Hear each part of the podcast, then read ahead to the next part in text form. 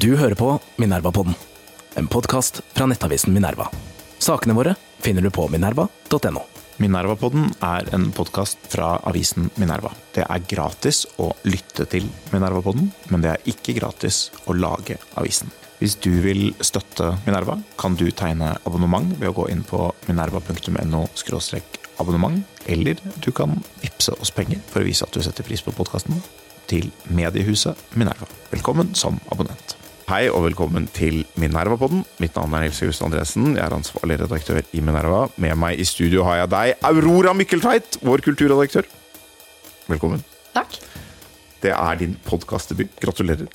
Tusen takk. Du, det har vært en uh, Vi skal snakke om kultur. Det er derfor vi, er her. Det har vært en, en, dyster tid for norske forfattere. De er i krangler så busta fyker. Det ser stygt ut på TV, det ser stygt ut i avisene.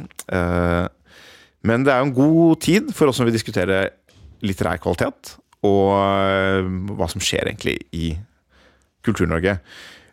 Vi begynner med at du, Kan ikke du dra oss gjennom hva er det som har skjedd denne denne striden som har utløst mye av dette, striden mellom Forfatterforeningen og Forfatterforbundet. Hva er, hva er det som har skjedd? Ja, det, uh, Dette er jo en strid som egentlig går helt tilbake til 2018. Da Forfatterforbundet ble uh, eh, oppretta som en form for uh, motsvar, eller ikke motsvar, men et alternativ til Den norske forfatterforening. Og er et LO-forbund eh, hvor, hvor, hvem som helst kan være medlemmer da, som er forfattere. Altså De må ha gitt ut en bok, men det er ikke dette kravet om litterær kvalitet som ellers er et krav for å komme inn i Den norske forfatterforening. Uh, og det har vært litt kjekling mellom disse foreningene siden 2018. Og så tok det jo ordentlig av i januar. Da var det en kronikk i VG underskrevet vel over 70 norske forfattere, kjente norske forfattere som er medlemmer av Den norske forfatterforening. Uh, og de gikk hardt ut, sa at framtida til norsk litteratur står på spill. For den var på nynorsk, og de refererte Selvfølgelig var den på nynorsk. Jon Fosse ja. 492 ganger uh, ja. upresist anslått i kronikken. Som også var en av de som har underskrevet uh, kronikken. Uh, og grunnen til at denne framtida står på spill, er fordi det er det ligger an til endringer i stipendkomiteen, som deler ut statens kunstnerstipend for skjønnlitteratur for voksne. Den, eh, altså disse stipendene deles i dag ut av Det litterære råd, som er en, eh, et råd Utgått fra utgått fra, ja, ja. Som, som, velges av Forfatterforeningens eh, medlemmer. Mm. Eh, og de har eh, delt ut denne i, i, i all tid, da. Eh, og nå ligger det da an til at det kommer en en ny stipendkomité eh, hvor også Forfatterforbundet er representert.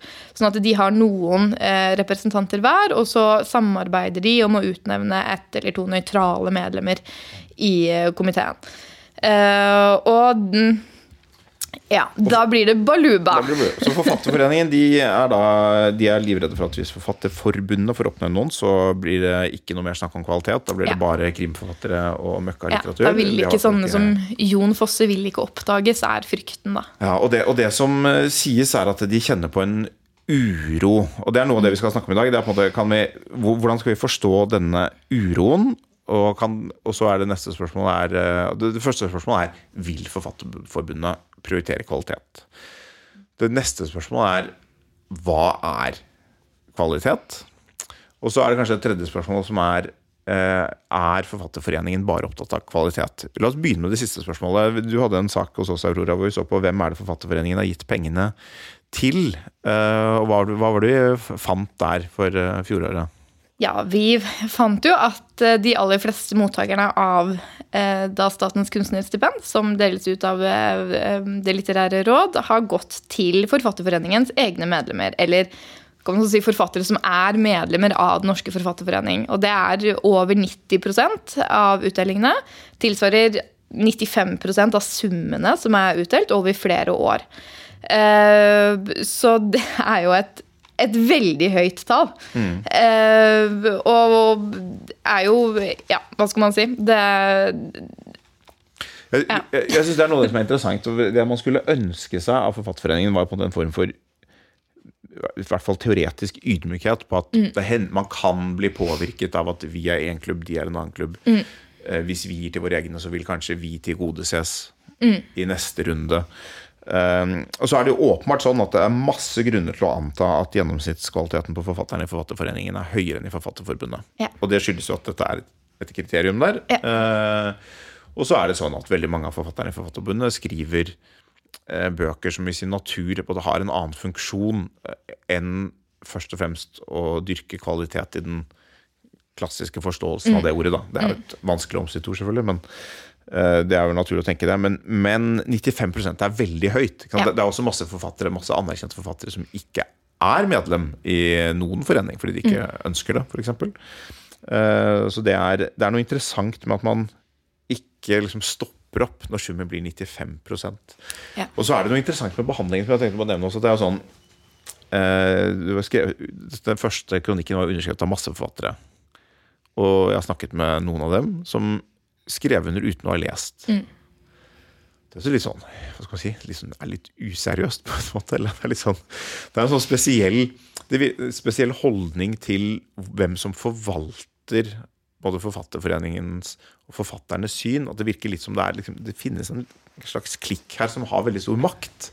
Og andre følger etter og skriver under når de blir bedt om det, og Ja. kanskje ikke har noe eget syn på hva som er eh, kvalitet. Ja, nei, jeg tenker at De har nok helt sikkert, sikkert blitt kontakta og fått en oppsummering av hva, den, hva som er budskapet. da, Som er at dette er veldig, veldig dårlig nytt for, eh, for Det litterære råd og for stipendene som deles ut. Og så vil nok veldig mange av disse forfatterne være enig i at det er eh, det, det er dårlig, de føler seg trua av det. Og så har nok også ganske mange av dem en oppfattelse av at det de selv ser på som litterær kvalitet, det går igjen i Den norske forfatterforening og Det litterære råd, men at det er et trua syn generelt i samfunnet. At det er egentlig ganske få som forstår litterær kvalitet.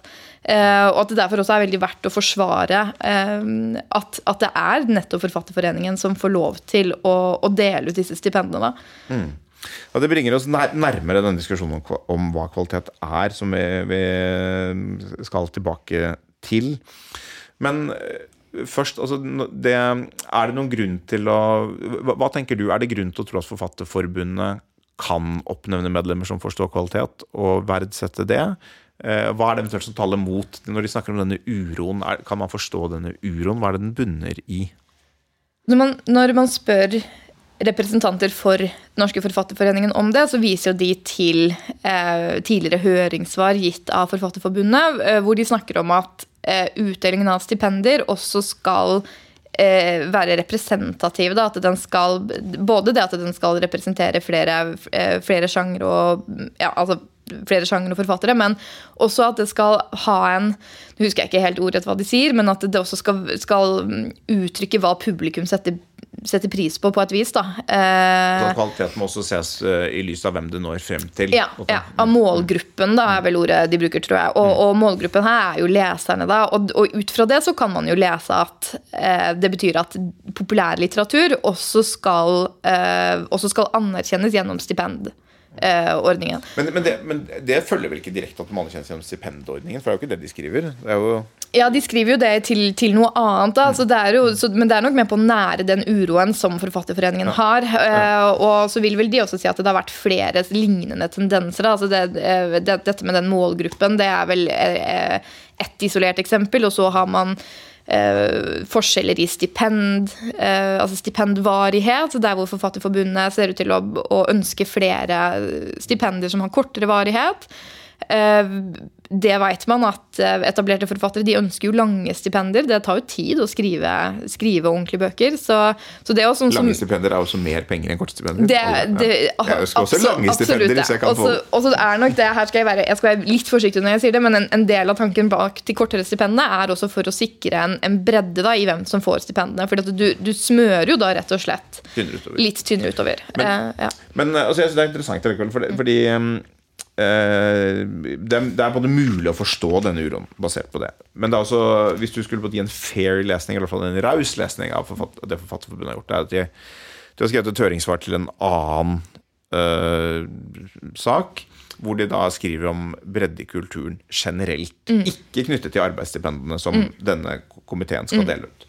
Og det er jo både helt i tråd med det som er norsk politikk. Mm. og da betyr bredde ikke først og fremst sånn at vi må gi masse penger til krimforfatterne. De, ofte selger jo de godt og, og trenger på en måte ikke noe penger heller. Men, men det er for eksempel sånn, det kan man diskutere selvfølgelig nettopp opp mot kvalitetsbegrepet, men f.eks. at det er viktig at det finnes litteratur som speiler ulike gruppers erfaringer. Og det kan være alt fra eh, litteratur som treffer minoritetsgrupper i Norge, etniske minoriteter, seksuelle minoriteter, eh, samiske minoriteter, ja, men, men eh, den type grupper, hvor hele poenget, hele, hele grunnen til at vi har støtte til norsk litteratur, hele grunnen til at vi ikke man kan ikke lese engelsk litteratur, de har sikkert noe bedre, det er jo at det er en tanke om at det er viktig med eh, litteratur basert på våre egne erfaringer i vårt eget språk.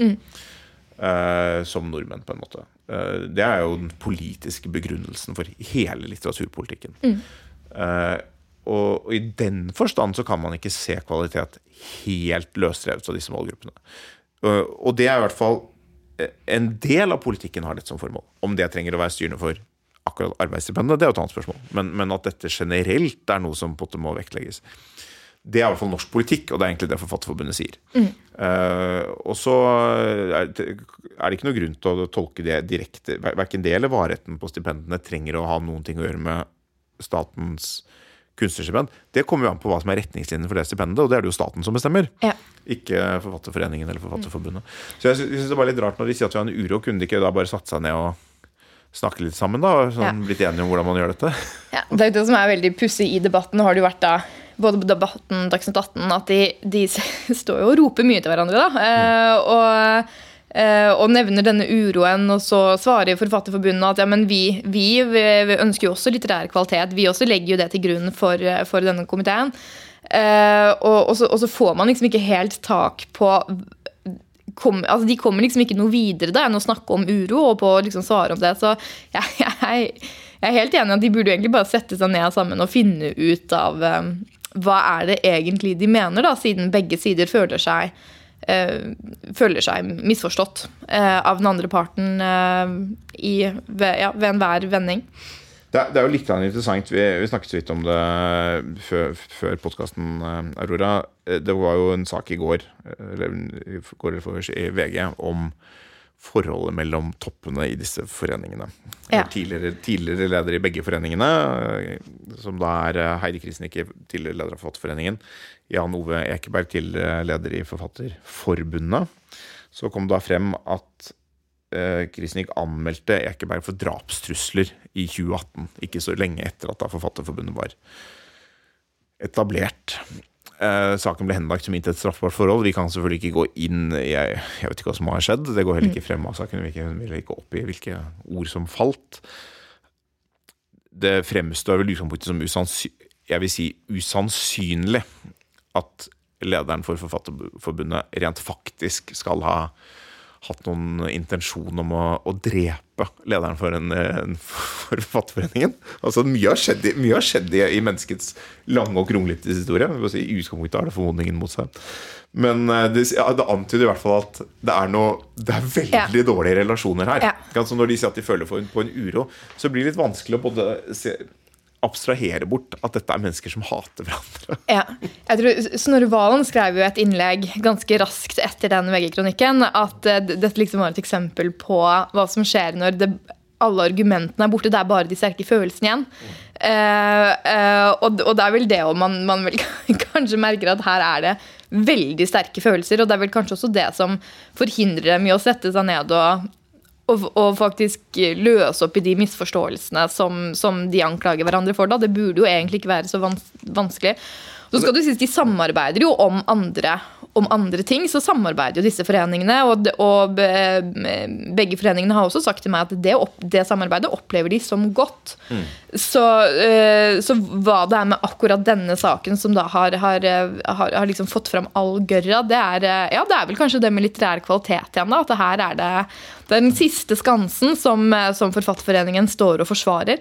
Det, det, er, det er nok det, og det er interessant, for det, det er jo sånn eh, denne type, Det er jo et sosialt hierarki, hvis du er, spesielt hvis du er forfatter, selvfølgelig, men i menneskers liv generelt. altså Hva slags kvalitet dine kulturelle preferanser har. det er et hierarki som nesten alle mennesker på en måte forholder seg til.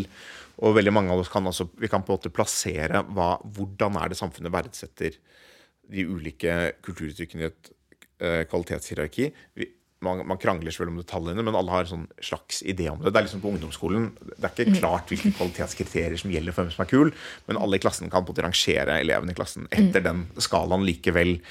Og det er en veldig sårbar skala. Så Forfatterforbundet er selvfølgelig, har selvfølgelig masse agg mot Forfatterforeningen fordi de føler seg sett ned på. Fordi Ja. ingenting skaper mer sånn resentment, beklager anglisismen, et godt engelsk ord, eh, enn å bli sett ned på. Ja. Og ingenting skaper mer sånn passivt aggressivt raseri enn trusselen om å bli fratatt den definisjonsmakten over hierarkiet. Og Det er vel det Forfatterforeningen kjenner på. Så det er en sånn eksplosiv situasjon. Men, men la oss snakke om kvalitetsbegrepet. fordi en av de tingene som eh, uh, uh, eh, som lederen i Forfatterforbundet nå, plutselig står det til med Eistein Hansen. Hansen, eh, sa på Debatten, og Anne Holt sa det kanskje også, eh, mot denne kritikken dere vil endre kvalitetsbegrepet. Dere Mm. kommer inn med andre tanker om kvalitet.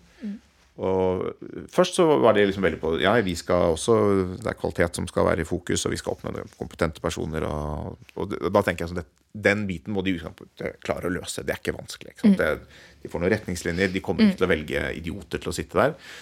Men det kan jo hende at de velger noen som har et annet syn på kvalitet. Og, og eh, Ole Robert Sunde, som vi må komme tilbake til, som er en karakter, det må jeg lov å si det. Uh, han antydet jo noe om hva han mente om kvalitet, og hvem som forvalter det. Og det er åpenbart at Forfatterforbundet det er ikke det- hans typer. De er, de er noen jurister, og de er noen folk som Ja, ikke liksom de er dyktige, da. De er Det gir han dem, de er ja. dyktige, men akkurat dette med litterær kvalitet, det kan de ikke noe om. Uh, men da, da forsvarte Eistein Hansen anholdt det og si at ja, men er det så farlig om du kommer med et annet syn på kvalitet? Mm, Hva er kvalitet?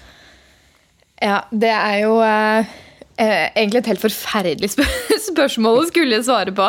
Det, eh, en av de mer sånn konstruktive eh, innleggene Det var jo ikke egentlig et innlegg, men eh, kan man si, handlingene i hele den debatten synes jeg var da Jan Kjærstad skrev på Facebook. Jan Kjærstad var også en av, av forfatteren som hadde skrevet under på den VG-kronikken. Men han gikk da ut på Facebook og spurte om hva folk opplevde var litterær kvalitet. når man liksom skulle diskutere det. Og, og han gjorde det på en veldig sånn fin og, og, og ydmyk måte. Altså, hva, hva, hva mener dere? Eh, og da, Det varierer jo veldig hva folk skriver i kommentarfeltet, men det å, å lese gjennom det var en en, det var veldig interessant. Det var en fin opplevelse også, fordi du, man så jo hva litteratur betyr for veldig mange mennesker. Eh, og så skjønte man jo også at det, det å, få, å få tak på dette er, liksom, det er som å gripe fast i en sleipål. Det, det, det bare forsvinner. Um, og, og ja, altså kvalitet hva, altså, hva, hva man kaller kvalitet. Altså, man kan jo forveksle det med hva, hva man syns er bra. Og det er jo det veldig mange vil jo si at noe er bra, og så er det, er det liksom, betyr det at det har kvalitet. Og folk med sånn bakgrunn som meg, da, som er litteraturviter fra Øvre Blindern, vil jo si at det ikke er det samme. Eh, og at litterær kvalitet er noe annet. Men det å, å, å forklare hva det er, det, det klarer ikke jeg, egentlig. Det, det- er klarer du det? Nei, jeg klarer ikke. Jeg, jeg har tenkt mest på dette spørsmålet egentlig i musikk. Som er min Ja. primære det, kulturelle interesse. Og det er ikke noe tvil om at alle som driver med musikk eller ikke alle, men altså de fleste som driver med musikk, har en veldig klar forståelse av at kvalitet er noe som fins. Ja. Eh, og, og man blir provosert på en måte når noe musikk som kanskje er veldig populær, eller noe sånt, eh, plutselig gjør krav på å ha den samme kvaliteten som det man ser på som sine store musikalske inspirasjoner, da, enten det er Bach eller det er ligget til. Liksom. Så, så vil man si at du, Hvis du kommer her med Taylor Swift og sier at det er liksom samme kvalitet for de fengene, så, så kjenner man på et agg, ikke sant? selv om det er veldig, veldig krevende å, å utbrodere akkurat hva det er.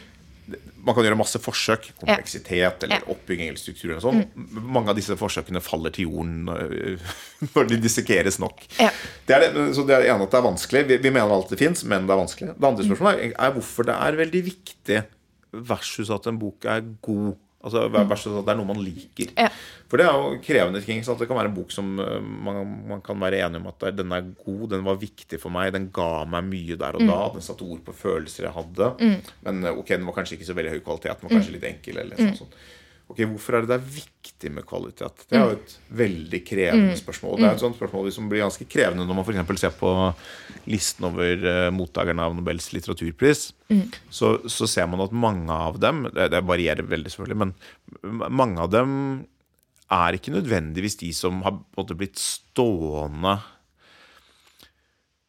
hos et bredt litterært interessert publikum. Eh, noen av dem er det, noen av dem er det ikke. Ja. Eh, og en del av de som er blitt, er blitt, stående for et bredt litterært interessert publikum, altså i motsetning til kall det liksom bare legeromanpublikummet, kan gjør det skillet, eh, er ikke blant vinnerne. Så, det er Kvalitet er noe, men, men, hvorfor er det viktig? Og jeg tenkte vi kunne gå på Ole Robert Sunde. Han skrev nemlig da et, et svar. Han var jo først i denne ekstremt famøse Dagsnytt 18-opptredenen, hvor han snakket om de flinke advokatene. Men så var han ikke på Debatten. Nei. Han hadde blitt invitert, tror jeg, men han hadde fått eh, et godt råd av gode slektninger om at dette ikke var hans arena. Som han hadde fulgt. Det var jo, viste jo selvinnsikt. Men så skrev han et innlegg i Klassekampen hvor han, hvor skrev dette er disse forfatterne i Forfatterforbundet. De, de vet ingenting. De har, de, jeg tror ikke noe på at de har lest uh, Paul Celan eller uh, Anne Carson. Det var mm. eksempler han brukte. Mm. Om han har rett eller ikke. Altså, dette er jo en fordom fra hans side som i og for seg sikkert kan ha noe for seg, men som sikkert også kan være feil i en del tilfeller. Men, uh, men det, jeg syns det var interessant. Jeg grep meg, bet meg merke det. Paul Celan, som har trukket frem flere ganger, de har ikke lest Paul Celan. De vet ingenting om kvalitet. Hvorfor er det, er Paul, hvem er Paul Celan? Hvorfor er dette et godt eksempel? Eller hva, hva er dette et eksempel på? Hva tenker du? Altså, Hva forteller det oss om kvalitetsforståelsen? Eh, jeg, jeg, vil jo si at Paul Celan skriver av liksom ypperste litterære kvalitet. Eh, og så kjenner jeg også det at når en, en som Ole Robert Sunde Fortell bare litt om Paul Celan. Ja, litt, eh, er født nøyaktig når han er født. Det husker jeg ikke. Tidlig 1920. Ja, 1920 ja, tidlig 1900-tallet. Uh, I det som er uh, Romania. Dagens Ukraina, Dagens da, Ukraina. datidens Romania. Da, ja, sånn er det. Geografien er min bit, liksom. Ja, den er, ikke, den er ikke, jeg så, så god på. Men uh, han har da i, Han er da født i en jødisk familie. han har tysktalende mor og rumensktalende far. Uh, han er internert under andre verdenskrig uh, i en arbeidsleir. Begge foreldrene hans dør i tilsvarende arbeid, arbeidsleire. Faren, blir, uh, faren, dør av tyfus, tror jeg, så han dør av helserelaterte altså, helse, altså, Helsa hans er jo helt relatert til forholdene i leiren, det er jo derfor han dør, så han blir jo også drept. Mens mora blir altså, henretta når hun ikke klarer å bære mer. altså Hun er helt utslitt, og da skyter disse tyske soldatene henne bare. Og det, altså Påseland han tar med seg han tar med seg den erfaringa, og så løfter han det i, uh, i litteraturen han skriver. Og det er kanskje et av de mest kjente diktene hans, heter 'Todesfuge'. Uh, en dødsfuge. Uh, og, og det det han, det han, blir kjent for, er liksom, som er det som også gjør at sånne skikkelser som Ole Robert Sunde og, og andre hva skal man kalle det, høylitterater liker Pål Celan så godt, er en, en sånn språklig oppløsning som skjer. altså Hva språket kan få til. Både i å beskrive ting som egentlig er ubeskrivelig, eh, og, og, og, løfte det opp på en helt annen måte. Eh, det som også er interessant med Pål Celan der, er at veldig mange poeter, og for så vidt også filosofer, fra tysktalende områder eh, etter andre verdenskrig tar avstand fra tysk. At de, de sier etter krigen at de, de vil ikke eh, de, de, kan ikke lenger uttrykke seg på tysk, fordi det var nazistenes språk. Eh, altså det er et, Polseland kaller det det muttersprache. Altså et, et, det er morsmål og morder, morderspråk. Elie Wiesel han begynner å skrive på engelsk. Jean Amery han, han, begynner å skrive på fransk. Eh, Paul Celan han sier at tysk er det eneste som han har å holde, å, å holde fast i, da, i, i, det, i, livet hans, som er helt i ruiner. Så er det også det at det er da Paul Celans morsmål, fordi det er, det er, moren hans som snakker tysk. Faren er, vel, ja, er da rumensktalende. så, så i, i det litterære landskapet etter krigen, så, så er Pål Seland litt spesiell. Ikke bare det at han fortsetter å skrive på tysk, men at han, at han så spesifikt sier at det er dette morderspråket som han, som han, tar med videre, og hvordan han bruker det samme språket til å, uh, til å fortelle om hva som, uh, hva som hadde skjedd. Ja. Det er, sier, altså, det er jo denne dekonstruksjonen som, som jeg har bitt meg merke Det er jo, det er jo bygget litt som en fuge. Og, og jeg assosierer jo da fort til musikk. da det Man kan på en måte sammenligne dem litt. Det er ikke en presis sammenligning, det er ingen sammenligninger som er, men med, med en skikkelse som Georgi Ligeti, en ungarsk eh, komponist, men også født i datidens eh, Romania. De var på en måte født i, i samme land, også jødisk. Er født i 1923.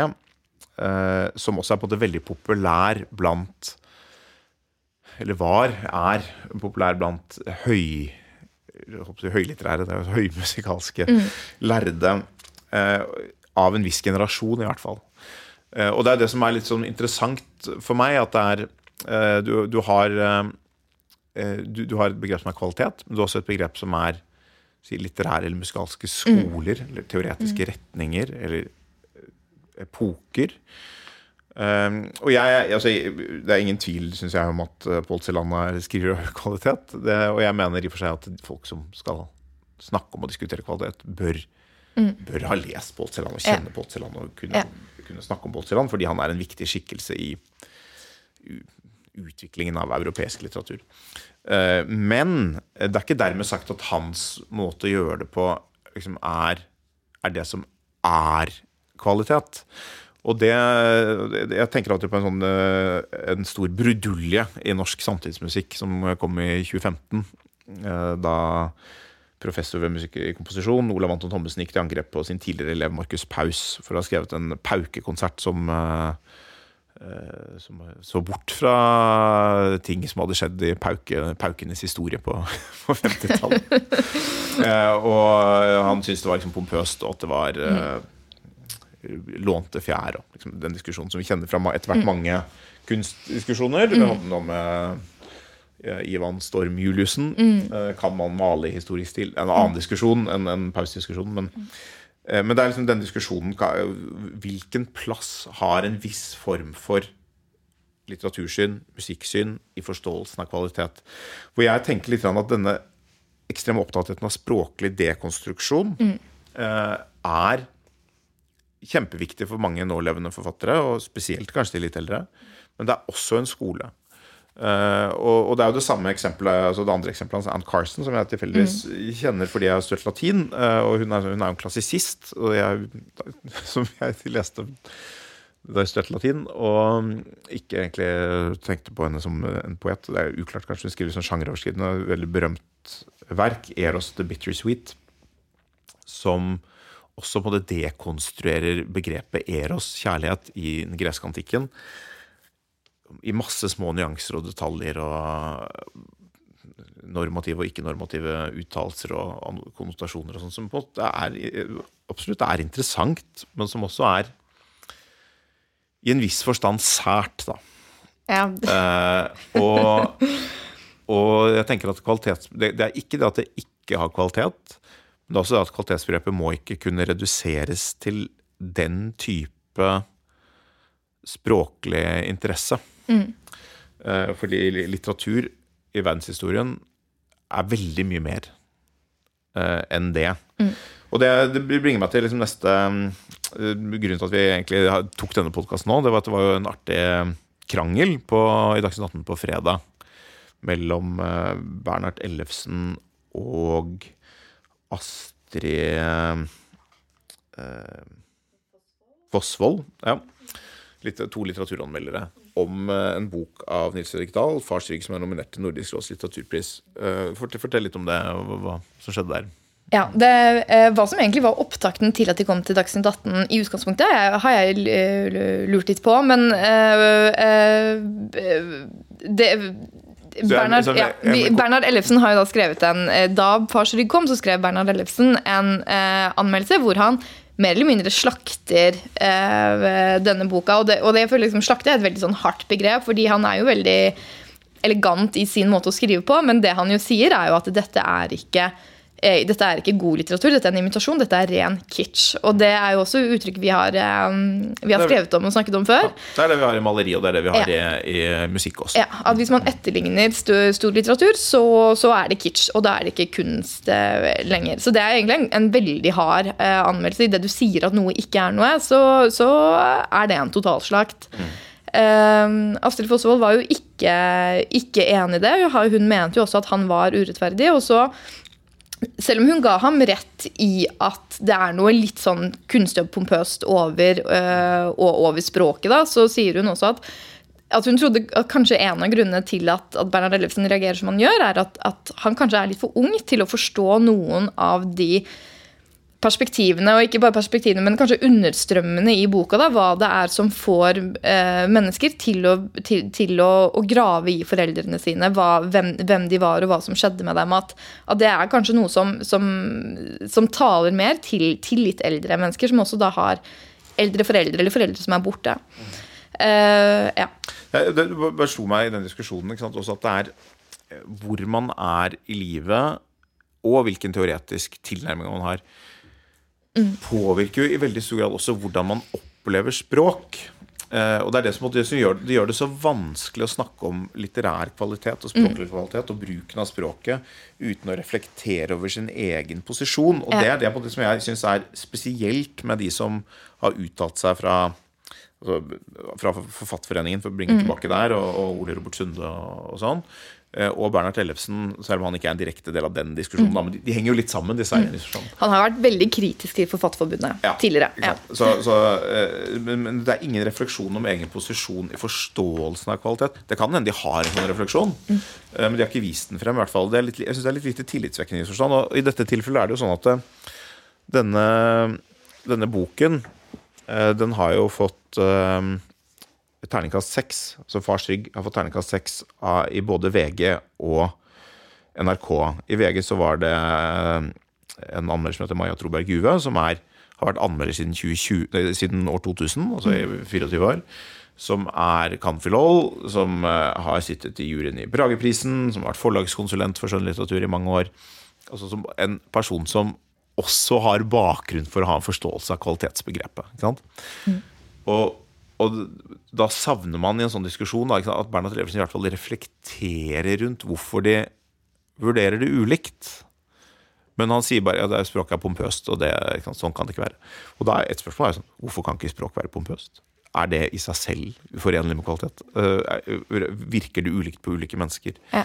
til ulike tider? Uh, så det er, det er liksom et eller annet interessant uh, der, og da gjelder det selvfølgelig her at både da Juve og Leif Ekle, som ga den terningkast 6 i mm. NRK, mm. er jo vesentlig eldre personer mm. som sikkert har tenkt mer på hvilket språk som trengs for å, for, å, snakke om de store og vare spørsmålene om forholdet til, uh, til foreldre når, i den fasen. Så det er, liksom, det er noe interessant der. Det, det, er jo sånn som er veldig vanskelig å ta inn, da, men det med, med smak altså man, man, ønsker jo i all hovedsak ikke å snakke om smak når man snakker om litterær kvalitet. Likevel så, så, kan man ikke komme unna det, fordi veldig mye av det er personlige preferanser. Jeg, jeg, er jo heller ikke spesielt glad i pompøst språk. Eh, men eh, til en, en, helt annen sammenligning da, så er jo jeg for en sånn som Hemingway. Jeg syns jo han er altfor lite pompøs, på en måte. Han er, for meg så skriver han for, for platt. Som gjør at jeg, jeg, jeg, er, ikke så glad i, i Hemingway. Og det er jo bare en personlig en personlig preferanse på man, altså hva slags språk man liker. Mm. Uh, og det er veldig åpenbart da, at Bernhard Ellefsen liker ikke pompøst språk. Han liker ikke de mest sånn klassiske uh, tropene. Altså, han, han, nevner det at, at det regner når, uh, når, far liksom Eller når, det er vel ikke far, men hovedpersonen da går, går uh, Gårdskjønn er jo han er trist, og det er liksom dette, dette regnet er, uh, ja, viser det at han er, uh, han er trist. Uh, det hender jo det regner om man er trist. Det, det, det, gjør det, og det er jo veldig kjedelig å være trist, og det ikke regner da. Det aller verste er å være trist på en skikkelig solskinnsdag. da er jo alt man vil ha litt regn. Men, uh, men, det som jeg også syntes var interessant i, i, det han snakka om da, var at han uh, sammenligna med um, Vigdis Hjorts gjentagelsen, at det var ifølge ham en mye mer verdig kandidat til Nordisk råds litteraturpris.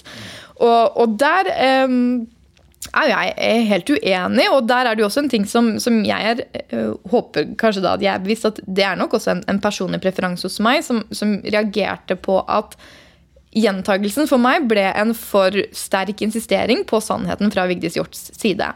Eh, og, og, det, og, sånn jeg opplevde, opplevde den romanen eh, så, gjorde det at jeg kanskje lukka meg selv litt. Jeg lukka leseropplevelsen eh, min litt i, i, en form for protest for, for, måten hun bygde boka opp og at den ja, det, det jeg opp, oppfatta som en mye sterkere insistering på at det, dette er sant og dette har skjedd, og derfor skal jeg utbrodere dette enda mer denne gangen. Uh, og, og, så for meg så gjorde jo det da at at det var ikke en bok som, som, jeg synes var like bra. At jeg likte den ikke like godt. Fordi, fordi hun mm. tok et sånt grep som, som, jeg rett og slett ikke likte. Altså sperre for eh, lesningen. En sperring, rett og slett. Men, eh, men er jo, altså, nå er jo ikke Nils Fredrik Dahl den eneste som har blitt slaktet av Bernhard Elvesen. Det er jo knapt en forfatter som ikke er blitt slaktet av, ja. av ham. Eh, og det skrives jo mye dårlig litteratur, så det er jo greit. Men, men han slaktet jo bl.a. Knausgård ja. i sin tid. Min kamp.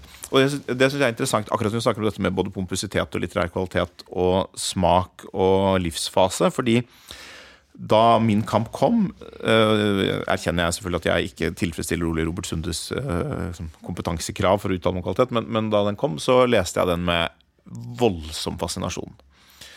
Uh, opplevde det som veldig sterk, spesielt bok to. Opplevde det som veldig sterk. Uh, litt av typen uh, Cutsy eller den type litteratur. Lagnar Mykle på sitt beste. Liksom den, det nivået på, på litteratur. selv om det ja, til dels er et litt pompøst språk. Som bruker en å, å jeg, Du bruker 'å' i en bok. Altså, men, men, men, da opplevde jeg det som stor litteratur. Det var meg i 2009 eller 2010. Og sånn, hvordan det var. Og så bare registrerte jeg på et punkt, det hadde gått noen år, jeg var i en annen livsfase, at dette her bare appellerer ikke til meg.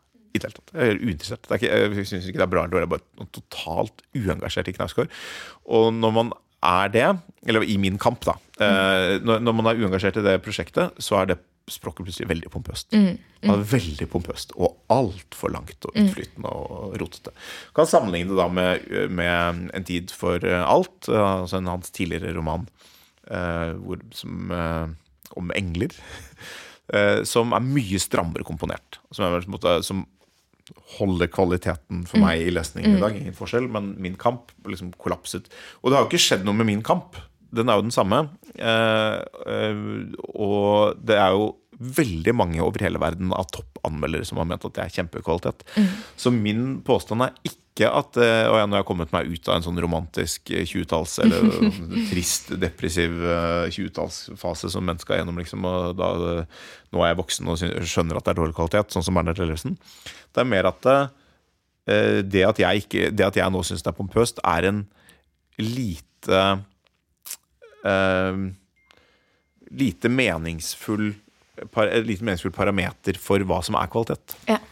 Uh, fordi det er så mange mennesker som kan bedømme kvalitet, som syns det er bra. Mm. Uh, så Du kan jo være uenig med det, og Bernt Lelsen får lov til å være uenig med det, men mm. det bare slår meg liksom at det er, det er, lite refleksjon rundt det. Og da det er nettopp interessant at du sier at han da i stedet ville ha uh, Vigdis Hjorth, mm. som nettopp er en av disse forfatterne i Forfatterforeningen som mm. vel underskrev det og oppropet, og som tror jeg i hvert fall. Ehm, og, ja, hun gjorde det. Hun gjorde det og som er en del av denne forfatterforening-klikken, liksom. Altså, mm. det er sånn de aller mest forfatterforeningsforfatterne. Der er hun med. Eh, og de, de, sitter med sine, sine, kvalitetsbegreper. Og er ikke bare forvaltere av kvalitetsbegrep, de er også både en en gjeng som deler begrep. Mm. Og i den forstand kan man godt skjønne at de er jo selvfølgelig livredde for å miste definisjonsmakten over det. For det betyr at da kan de ikke gi alle stipendene til akkurat de menneskene som de syns er best, og som de ofte også om de ikke er venner, for det er de ikke alltid, men som, liksom, som de føler et fellesskap med. mm. De føler at det er deres type litteratur. Mm. Uh, og så er spørsmålet liksom, kan man på den ene side si det er viktig at kvalitetsbegrepet ikke utvannes og svekkes. Samtidig kan det være sunt at forfatterforeningene Forfatterforeningen og Forfatterforbundet og eh, eventuelt andre organisasjoner tvinges til å tenke mer selvkritisk om hva kvalitet er, sånn at ikke kvalitet bare er det som jeg liker, eller altså mm. ikke bare er det som jeg tenker er kvalitet. Mm. Fordi det er så mange mennesker der ute med, med kompetanse mm. som har andre forståelser. Jeg, jeg, tenker jo at de som, sånn som den stipendkomiteen er i dag, altså Det litterære råd jeg, jeg jeg tror nok veldig på at de har en, en ganske sånn god felles følelse av, av litterær kvalitet når de leser bøkene de skal lese. Og at Forfelles. Kanskje, kanskje, for, kanskje for felles. Eh, Jeg tror i hvert fall de første, de første rundene de har med å lese gjennom, der tipper jeg at det, er, at det nok er ganske felles. At det er, det er, det er nok få som, som eh, det er krangel om skal være med videre eller, eh, eller ikke. Og, og det er litt jeg, jeg, jeg har jo en opplevelse av at leser man mye, så, man, så vil man også ha en, en en følelse av kvalitet. Og så, skal vi, så, så må man jo også si at når det gjelder de stipendene og, og de norske forfatterne, at vi gikk jo gjennom lister for å se hvem det var som hadde fått. Og da var det jo noen av forfatterne som du spurte meg hva, hva synes om dem, og så, og så sa jeg jo veldig ofte sånn ja, det er bra, det er veldig bra, det er bra. Og så gikk jeg hjem og så tenkte jeg på det, og så var jeg sånn Men de jeg da hadde nevnt, var de bra? Og, og så måtte jeg jo da liksom altså bare være helt ærlig og tenke at nei, de er jo faktisk Det er jo faktisk ikke veldig bra. Det er faktisk ok. Det er helt ok. Altså det, det, er, det er ikke dårlig. Det er sånn at jeg, Når jeg leser det, så tenker jeg at det var, det var ålreit. Men det, det var vel ingen av de bøkene eh, og forfatterne hvor jeg satt igjen etterpå og tenkte Oi! Dette var, dette var bra, dette bærer jeg med meg videre. Det, det, kanskje Den eneste jeg kommer på i farta, var den 'De kaller meg ulven'. er kanskje den eneste boka som jeg, har, som jeg har tenkt på videre.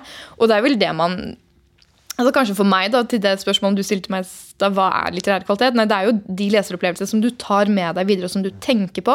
Og noen ganger er det kanskje til og med bøker du ikke har likt, men, men de, de, de, du tenker fortsatt på hva det var de sa, og hva de tok opp. og det, ja. En av mine frykter litt med en del av det, når man nettopp så på denne listen, er at det er en del forfattere som skriver Nå skal jeg låne et uttrykk fra Bernhard Ellefsen. Som om det er høy Ja. kvalitet. Men ikke sånn som Ellefsen mener. For Ellefsen mener Og de skriver liksom så litterært, og de skriver så blomstrende eller så, Mm. så pompøst. da Eller så, så stort anlagt. Som om det er et kjempestort epos fra 1800-tallet eller fra antikken. liksom ja, Og sammenligner seg med den ja, store. sant, De store skikkelsene fra, fra eldre åndshistorie. Eh, Men du har en annen, form, en annen måte å etterligne kvalitet på, og det er på en måte å skrive nettopp i den stilen som Bernhard Ellefsen ville like.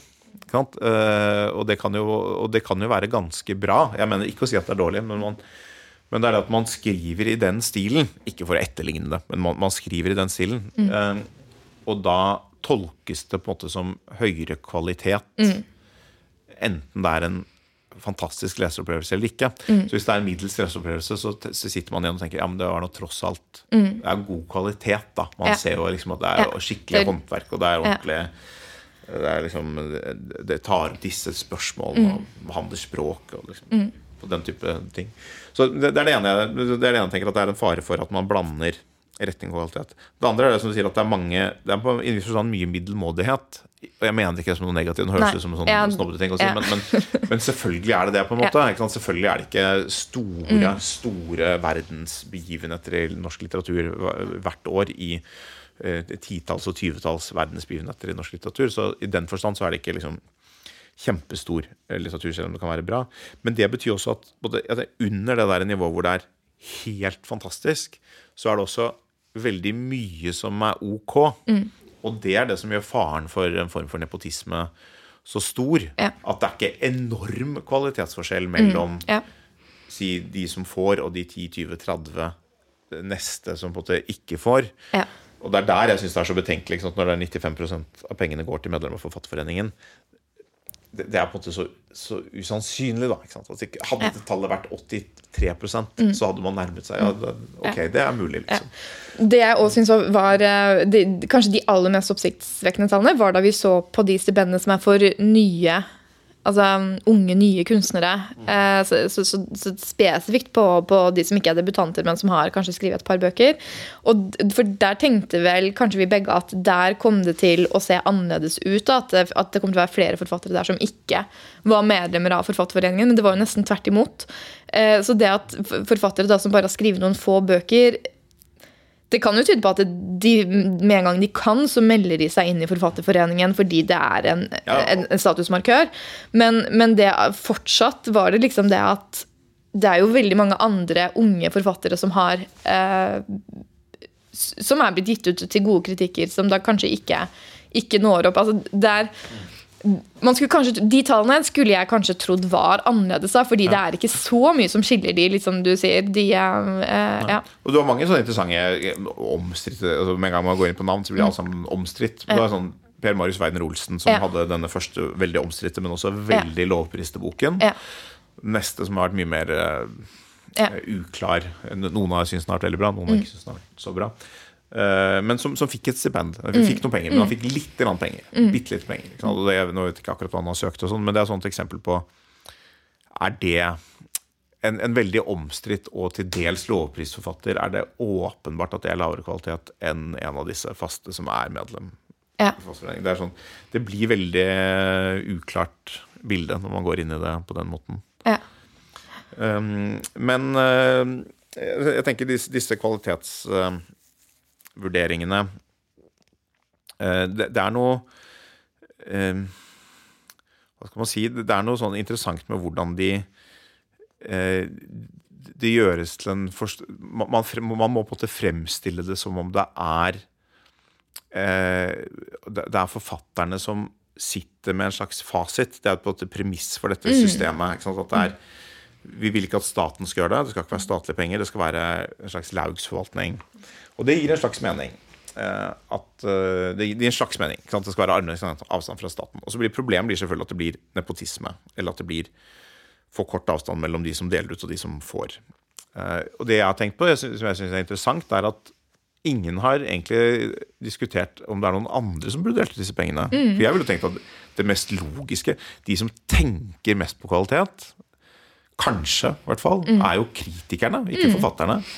Eh, Jeg vet ikke om jeg ville hatt Bernhard Ellefsen inn i det rådet, men, men, men, eh, men hvorfor ikke? Nei, Altså, jeg jeg, jeg syns det er et utmerket forslag, egentlig. da, fordi Jeg tenker jo ikke at forfattere nødvendigvis er de som er best egnet til å si noe om litterær kvalitet. Det, det, um, de, hvis man f.eks. skal se på litteraturvitere, da, det er jo eh, de som er eh, professorer i litteraturvitenskap. De er jo de er jo ofte, men, men eh, som regel ikke skjønnlitterære forfattere.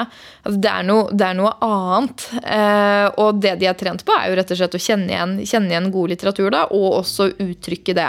Mm. Forklare eh, forklare det. hva som er god litteratur. Eh, så det kunne vi kanskje ha foreslått at det egentlig burde være kritikerlaget som utnevner kritikere til å sitte i, eh, i, i den stipendkomiteen. Ja. De sitter jo i en del andre liksom, Brageprisen og sånne ting. Men, Ja. men, men det, er liksom, det er nettopp det, det, det som jeg frykter eh, blant forfatterne, er jo nettopp at det, er, det blir jo Du er jo mye mer investert i en bestemt eh, tradisjon, forståelse av kvalitet. Ikke nødvendigvis, kanskje, men du, er, du, du, skriver det jo selv. Sant? Det, er, det er sånn du lager kunsten din. eh, og det gjør på en måte vondere kanskje å skulle åpne opp og si Nei, vet du hva, det er ikke sikkert det er dette som er Ja. god kvalitet. Eller kanskje det er det noe annet. Ja. Altså, det blir jo det er personlig Ja. investering i det. Og det er jo det, det du sa om skoler igjen, da. Det at man liksom tilhører uh, forskjellige skoler. Men også de, hvis man skal ta fram de som um, ofte da trekkes fram som, som utmerket litterær kvalitet. Hvis vi skal tilbake til Paul Celan og, eh, og Anne Carson, så er det jo det sånne forfattere som regel har gjort, er jo at de har brutt med med skolen. De har kommet med noe nytt, og så er de jo mm, ikke, altså Anne Carson kjenner ikke jeg spesielt godt til, og, og Pål Celan gjelder jo ikke det. For, for han ble veldig anerkjent eh, veldig tidlig. Men, men ofte så får de jo relativt sein anerkjennelse, de som bryter med den skolen som egentlig er gjeldende. Og, og det er jo sånn man tenker at kunsthistorien går videre, og, og som regel setter man det jo også som et krav at det ikke skal være kitsch, det skal være noe nyskapende. men men den skal være nyskapende på den måten som. På den skolen som skolen sier. Og, det, og det merker man jo når man når man nå leser mye norsk samtidslitteratur, så jeg, jeg, ble ikke, jeg ble bevisst det da jeg i, i fjor skulle lese Philip Roth igjen. At, jeg, um, at jeg begynte å lese American Pastoral etter å ikke ha lest sånn litteratur på, på mange år. Og, og jeg ble helt sånn satt ut av de lange setningene. At det var så mange ord. Eh, og, og, og det var jo ikke rart jeg reagerte på det, for jeg har jo lest veldig mange bøker som nesten ikke har et komma i seg. Altså Det er kort, veldig korte setninger, og de kan være gode, de òg, men det har jo blitt en det har jo rett og slett blitt en greie. Eh, Så, så det at jeg reagerte sånn på å ha på, på, på alle orda i, i boka, var, det var litt overraskende på en måte nesten litt eh, skremmende også. Det var samme da jeg leste, leste Nabokov igjen også, for å, se, for å ta en ny titt på Lolita. Jeg tror ikke jeg har lest det siden jeg var sånn 19 år. Eh, så var det det samme at disse settingene Jeg klarer nesten ikke å følge med i setningene. eh, Fordi jeg var så utrent på å lese, lese den litteraturen. Vi klarer ikke å lese Nabokov etter etter TikTok. er det ja, det kan jo være det, kan jo, det verste er at det kan jo faktisk være det.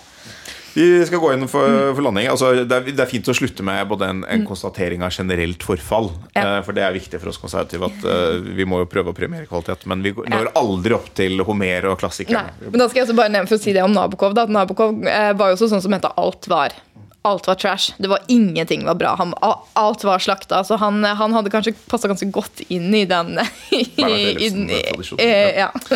Men vi, må- vi må oppsummere kort. Det er eh, Forfatterforeningen. Pompøse. Mangler selvkritisk sans. Eh, trolig, eller i hvert fall ureflektert forhold til mulig nepotisme, favorisering og generelt sjarlataneri.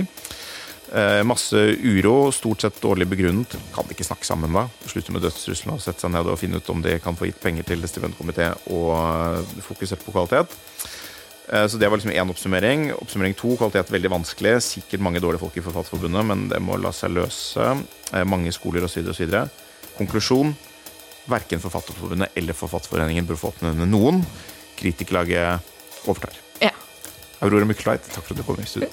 Takk skal du ha.